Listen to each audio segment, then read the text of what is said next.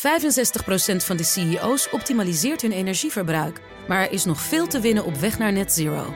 Meer weten? Ga naar pwc.nl slash netzero. De column van Marianne Zwagerman.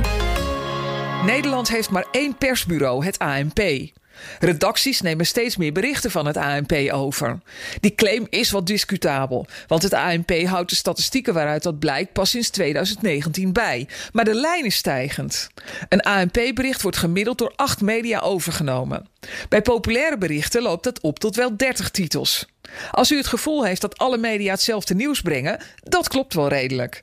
Toen het ANP werd opgericht, kende Nederland nog een pluriforme pers. Er waren 90 dagbladen op de markt die de stichting ANP oprichtte, zodat ze niet allemaal een verslaggever naar dezelfde nieuwsevenementen hoefden te sturen.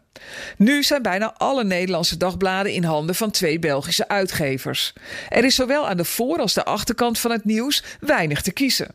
De ANP-grondstoffen worden rondgepompt door een klein aantal uitgevers die intern ook nog veel nieuws hergebruiken.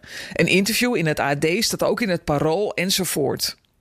Hoofdredacteur Freek Staps vergelijkt journalistiek met bierbrouwen. Zijn ANP levert het leidingwater waarmee elk medium zijn eigen biersoort brouwt.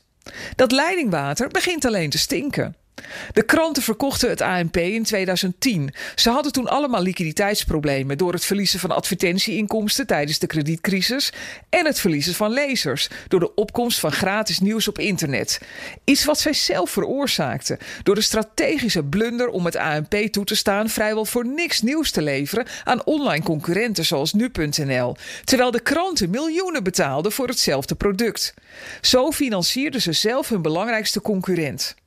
John de Mol nam het ANP in 2018 over, maar verloor al snel zijn interesse. De nieuwe eigenaar, zorgondernemer Chris Omen, kocht het persbureau omdat hij vindt dat de vrijheid van meningsuiting gevaarlijk is. Het brengt instabiliteit in een samenleving, zegt hij in de Volkskrant. En dat brengt mensen maar op gekke ideeën. Zo kent Ome antifaxers, aan wie hij uitlegt hoe asociaal het is om je niet tegen corona te laten vaccineren. Als je je niet laat vaccineren, vind ik dat je niet langer het recht hebt om voorrang te krijgen op de reguliere zorg van wie dan ook, zegt de kerstverse nieuwsmagnaat.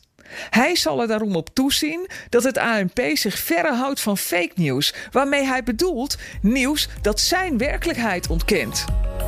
Ik ben blij dat ik geen bier drink. 65% van de CEO's optimaliseert hun energieverbruik. Maar er is nog veel te winnen op weg naar net zero. Meer weten? Ga naar pwc.nl slash netzero.